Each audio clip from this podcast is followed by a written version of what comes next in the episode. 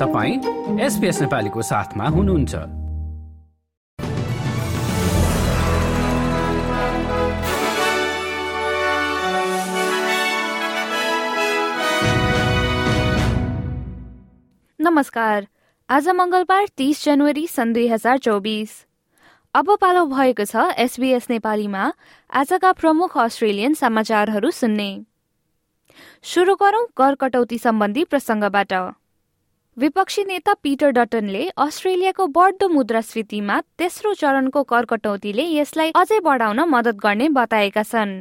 मंगलबार जनवरी तीसमा पर्चको भ्रमणको क्रममा डटनले नयाँ कर योजनाले गर्दा अस्ट्रेलियनहरूले कर छुटको सट्टा उच्च कर तिर्न बाध्य हुने दावी गरेका छन्।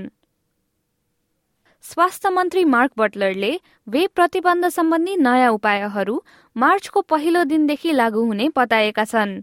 संसदको आगामी अधिवेशनमा घोषणा गरिने उपायहरूमा वेबको बिक्री र आपूर्तिमा प्रतिबन्ध लगाउने र वेब पसल अथवा यसको उत्पादनको बिक्री र आपूर्तिमा संलग्न अन्य व्यावसायिक संस्थाहरूलाई जरिवाना लगाउने समावेश छ। होबार्टको एक लोकप्रिय वार्फमा डुबेर एक पुरुषको मृत्यु भएको छ। एक पुरुष र महिला पानीमा खसेको रिपोर्ट पाएपछि सोमबार राति दस बजे प्रिन्स वार्फमा पुलिसलाई बोलाइएको थियो। पछिल्लो चार वर्षमा यो सहित चारजनाले यही क्षेत्रमा डुबेर ज्यान गुमाएका छन्। क्विन्सल्याण्डमा भारी वर्षा जारी रहँदा राज्यको दक्षिण पूर्वबाट सहायताका लागि धेरै फोन कलहरू आउँदा आपतकालीन सेवाहरू व्यस्त भएका छन्।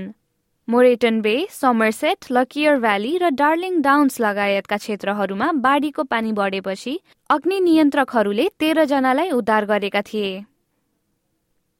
र फुटबलमा सकरुजका प्रशिक्षक ग्राहम अर्नोल्डका अनुसार उनका खेलाडीहरूले एसियन कपमा सही समयमा थप खुला भएर खेल्न थालेका छन्।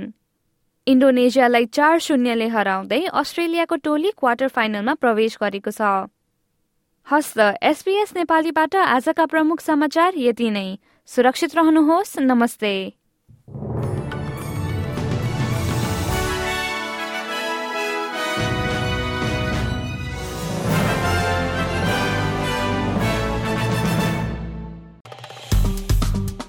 लाइक र कमेन्ट गर्नुहोस्।